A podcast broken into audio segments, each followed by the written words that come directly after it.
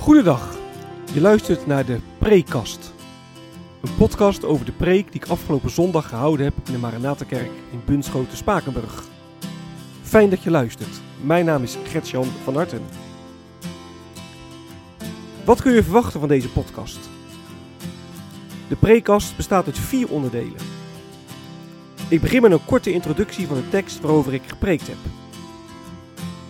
Vervolgens geef ik een korte samenvatting van de preek zelf. En met korte samenvatting bedoel ik ook echt kort. Tijdens mijn opleiding heb ik geleerd dat preken schrappen is. Niet alles wat je in de voorbereiding gevonden en bedacht hebt, kan terugkomen in de preek. Wat heb ik laten liggen wat het overdenken wellicht waard is? Daar wil ik het over hebben in het derde deel van de preekkast. En tenslotte sluit de preekkast af met een aantal verwerkingsvragen. Vragen die je kunnen helpen om de preek te overdenken en of toe te passen. Ik wens je veel luisterplezier.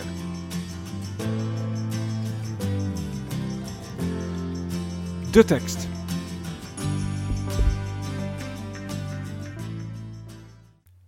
Ik heb deze preek gehouden in een dienst waarin we ook het uh, avondmaal vierden. Ik heb gepreekt vanuit de Heidelbergse Catechismus, zondag 30, vraag en antwoord 81. En er wordt de vraag gesteld: voor wie is het avondmaal van de Heer ingesteld? En het antwoord luidt dan: voor hen die om hun zonden een afkeer van zichzelf hebben en toch vertrouwen dat deze hun om Christus wil vergeven zijn. En dat ook de overblijvende zwakheid door zijn lijden en sterven bedekt is. Die ook begeren hoe langer hoe meer hun geloof te versterken en hun leven te beteren. Maar de huigelaars en zij die zich niet van harte tot God bekeren, halen door hun eten en drinken een oordeel over zich. De preek.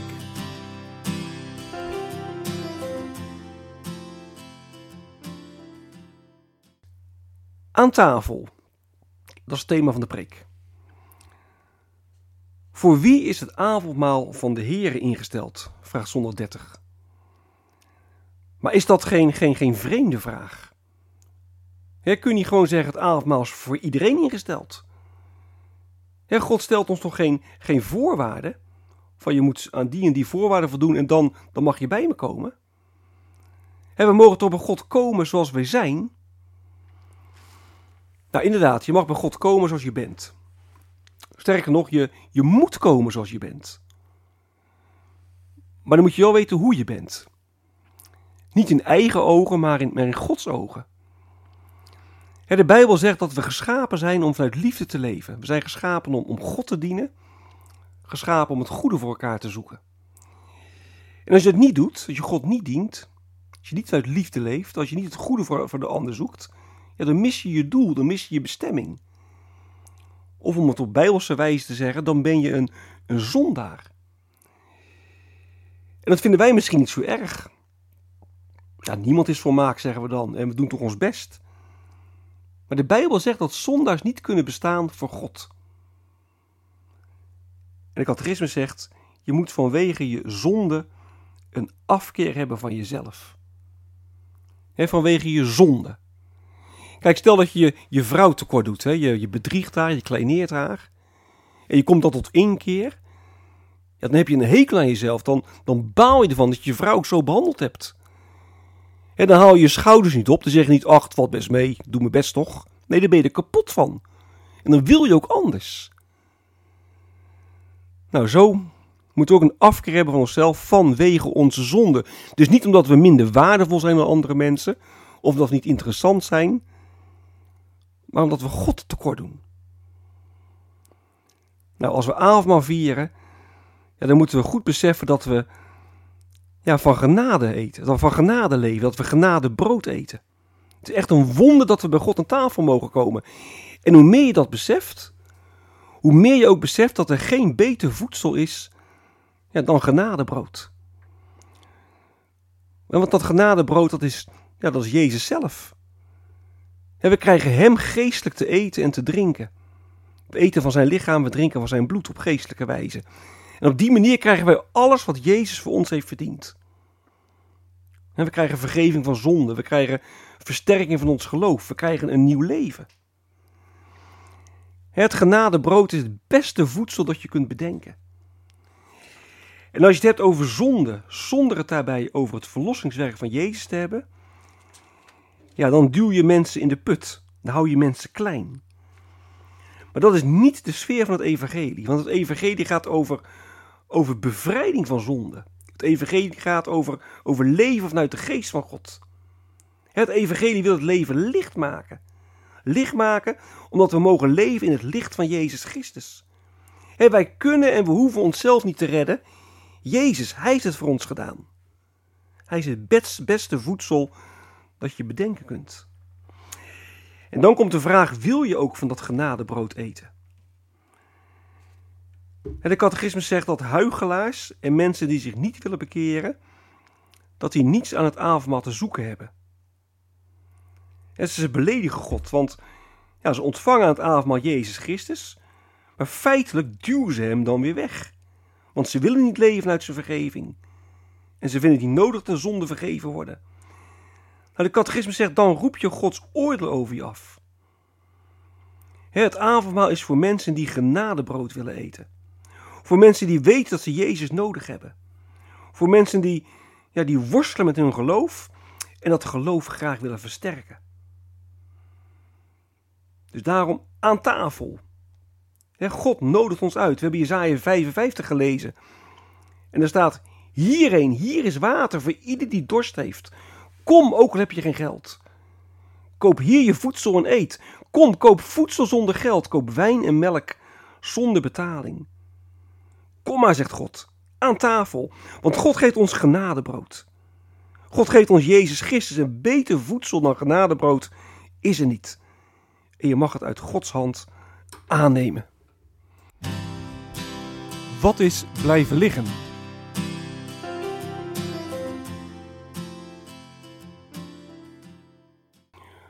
Voor wie is het avondmaal van de Heer ingesteld? Wie mag er avondmaal vieren?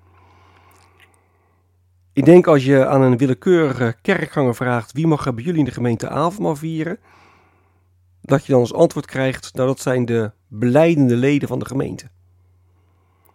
In het gros van de gereformeerde kerken vrijgemaakt, mogen kinderen geen avondmaal vieren. Er wordt gezegd, uh, je kunt jezelf een oordeel eten en drinken, dus je moet wel kunnen onderscheiden wat op aankomt. Dat kunnen kinderen niet en daarom worden kinderen van het avondmaal geweerd. Maar je kunt je natuurlijk afvragen of dat een, eh, een terechte uh, gedachtegang is. Als je kijkt naar uh, het feit dat het avondmaal in het verlengde van het paascha ligt, dan kun je ook natuurlijk de vraag stellen, maar waarom mogen kinderen niet vieren? Want de kinderen die vieren in het Israël ook het, het paascha. Waarom mogen ze dan geen avondmaal vieren? En zeker als je ook in de Kerk heel erg vanuit het verbond denkt en zegt ook de kinderen bij het verbond horen, het avondmaal is ook een verbondsmaaltijd, waarom mogen zij dan niet aangaan? Nou, het is erg interessant om ook uh, eens in de geschiedenis te kijken hoe dat nou gegaan is altijd uh, in, in, de eeuwen door. En dan zie je bijvoorbeeld dat bij uh, Calvijn de kinderen 10, 11, 12 ongeveer waren. En op dat moment mochten ze, mochten ze avondmaal vieren. En later in de geschiedenis is dat veel meer verschoven naar latere leeftijd. En moesten mensen beleidend lid zijn om avondmaal te kunnen vieren. Maar daar kun je dus echt wel verder over doordenken of dat uh, terecht is en of je niet uh, beter ook kinderen het avondmaal kunt laten. Nou, ik heb daar in de preek uh, geen aandacht aan besteed. Maar dat is iets waar je dus ook een aparte preek over zou kunnen maken. Hoewel ik wel gelijk wel een stukje aarzeling hebt, heb. Omdat ik, dat je op moet passen dat in de preek niet allerlei standpunten verdedigd worden of discussie worden opgerakeld. Ik zou eerder zeggen dat het is een mooi studieonderwerp om gewoon alle rust en alle openheid daar met elkaar over door te praten. Hè, zondags de kerkgang, de, de, de preek is toch vooral evangelieverkondiging. Dus ik zeg niet dat je niks over mag zeggen, maar pas op dat je de preek niet gebruikt om nou, bepaalde standpunten, het zij de ene kant, het zij de andere kant op, om die uh, neer te zetten en uh, uit te bouwen. Voor wie is de avond van de Heer ingesteld? Is het alleen maar voor blijde leden ingesteld? Of ook voor, uh, voor kinderen? Het tweede dat ik wil noemen is de trits, ellende, verlossing, dankbaarheid. He, wie Heidelbergse catechismus zegt, die zegt ellende, verlossing, dankbaarheid. Zo is de catechismus opgesteld. Het, begint met, het begint ook met zondag 1, in leven en sterven, eigendom van Jezus Christus. Maar dan komt het, waaruit kun je ellende? Hoe word je van ellende verlost? Hoe ga je dan dankbaar leven? Dat is de volgorde van de catechismus. En die vind je ook terug in, in antwoord 81. Voor wie is het avondmaal van de Heer ingesteld? Voor mensen die om een zonden afkeer van zichzelf hebben, ellende. Toch vertrouwen dat die om Christus wil vergeven zijn, verlossing. En mensen die, die begeren hoe langer hoe meer um, hun leven te beteren, de dankbaarheid. Dus ook in uh, antwoord 81 kom je die, die driedeling tegen. Ellende, verlossing, dankbaarheid.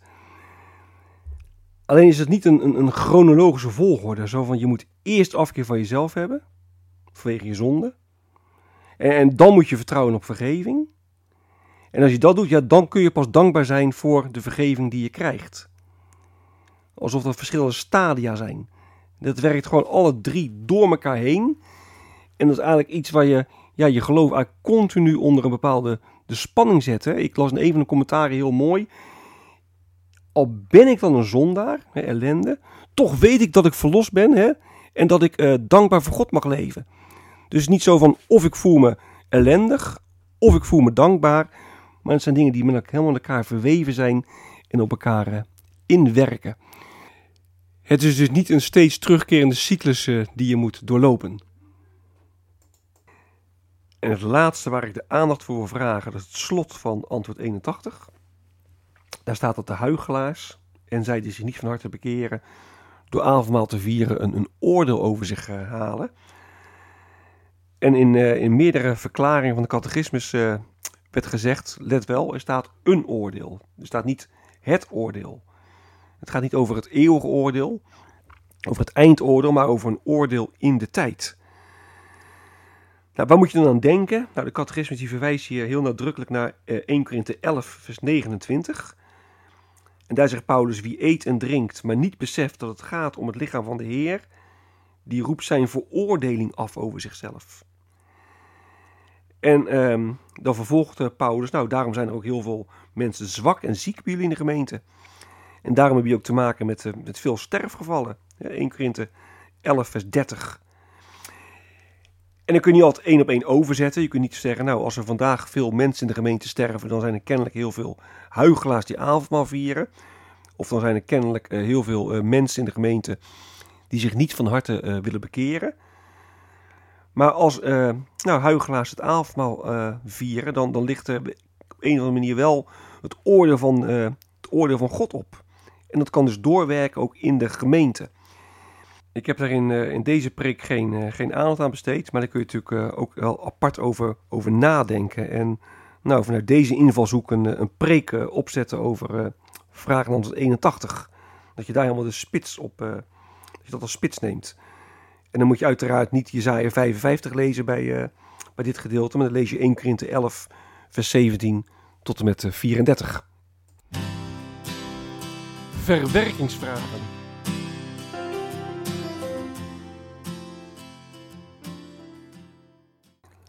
Nou, de eerste vraag is een hele algemene vraag.